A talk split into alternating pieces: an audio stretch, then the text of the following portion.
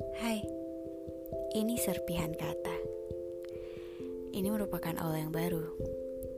Serpihan berarti kepingan yang kecil-kecil kan?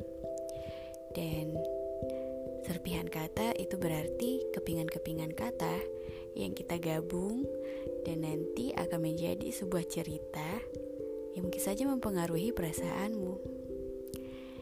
Jadi, semoga kamu suka ya dengan podcast ini.